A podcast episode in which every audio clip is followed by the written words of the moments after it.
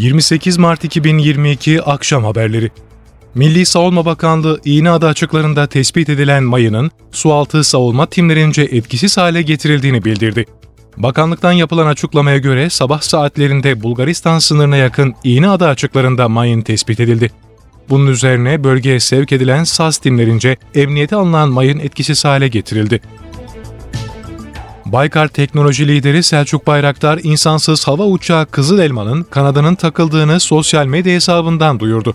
Bayraktar Twitter hesabından yaptığı paylaşımda Kızıl Elma'nın son halinin resimlerine de yer vererek Pazar günü sülale boyu toplandık. Akıncı kareye sığmadı. Maketi geldi. Cezeri, isim babasının yaşadığı yer Diyarbakır'da.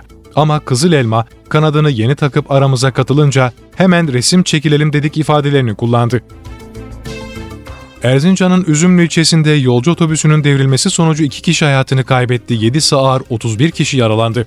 Iğdır'dan Ankara'ya giden yolcu otobüsü Erzurum-Erzincan karayolunun Bayırbağ mevkiinde yol kenarındaki ağaçlara çarparak şarampole devrildi. Kazada bir yolcu olay yerinde bir yolcu da kaldırıldığı hastanede hayatını kaybetti. 7'si ağır, 31 kişi ise yaralandı.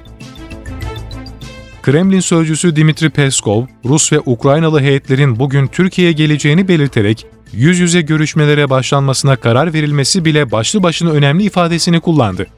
Peskov yaptığı açıklamada Rusya ile Ukrayna arasında Türkiye'de devam etmesi beklenen müzakereleri ilişkin değerlendirmelerde bulundu.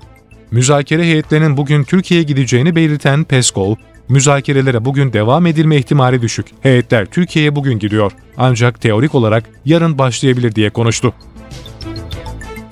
Irak'ın kuzeyindeki Pençe Yıldırım bölgesinde tespit edilen 3 PKK'lı terörist SİHA ile etkisiz hale getirildi.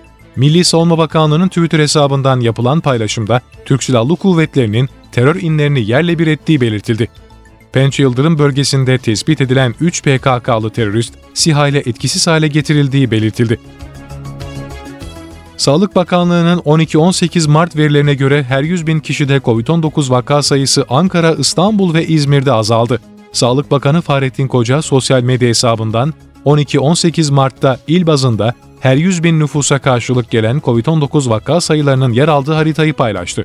Vaka bir önceki haftaya göre İstanbul'da 340.61'den 239.48'e, Ankara'da 541.56'dan 398.38'e, İzmir'de 324.82'den 247.16'ya düştü.